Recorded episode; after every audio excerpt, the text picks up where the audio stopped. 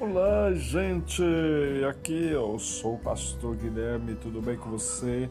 Você que está nos escutando, queremos falar hoje sobre missões, missões, a importância das missões para os nossos dias. Quando nós olhamos na palavra de Deus, nós vimos já desde Abraão essas missões acontecendo, isso mesmo, minha gente.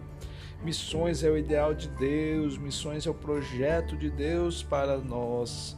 Mas missões devem nos levar a refletir a glória de Deus, porque sem essa glória nada, nada adianta, porque missões têm como base o próprio Deus.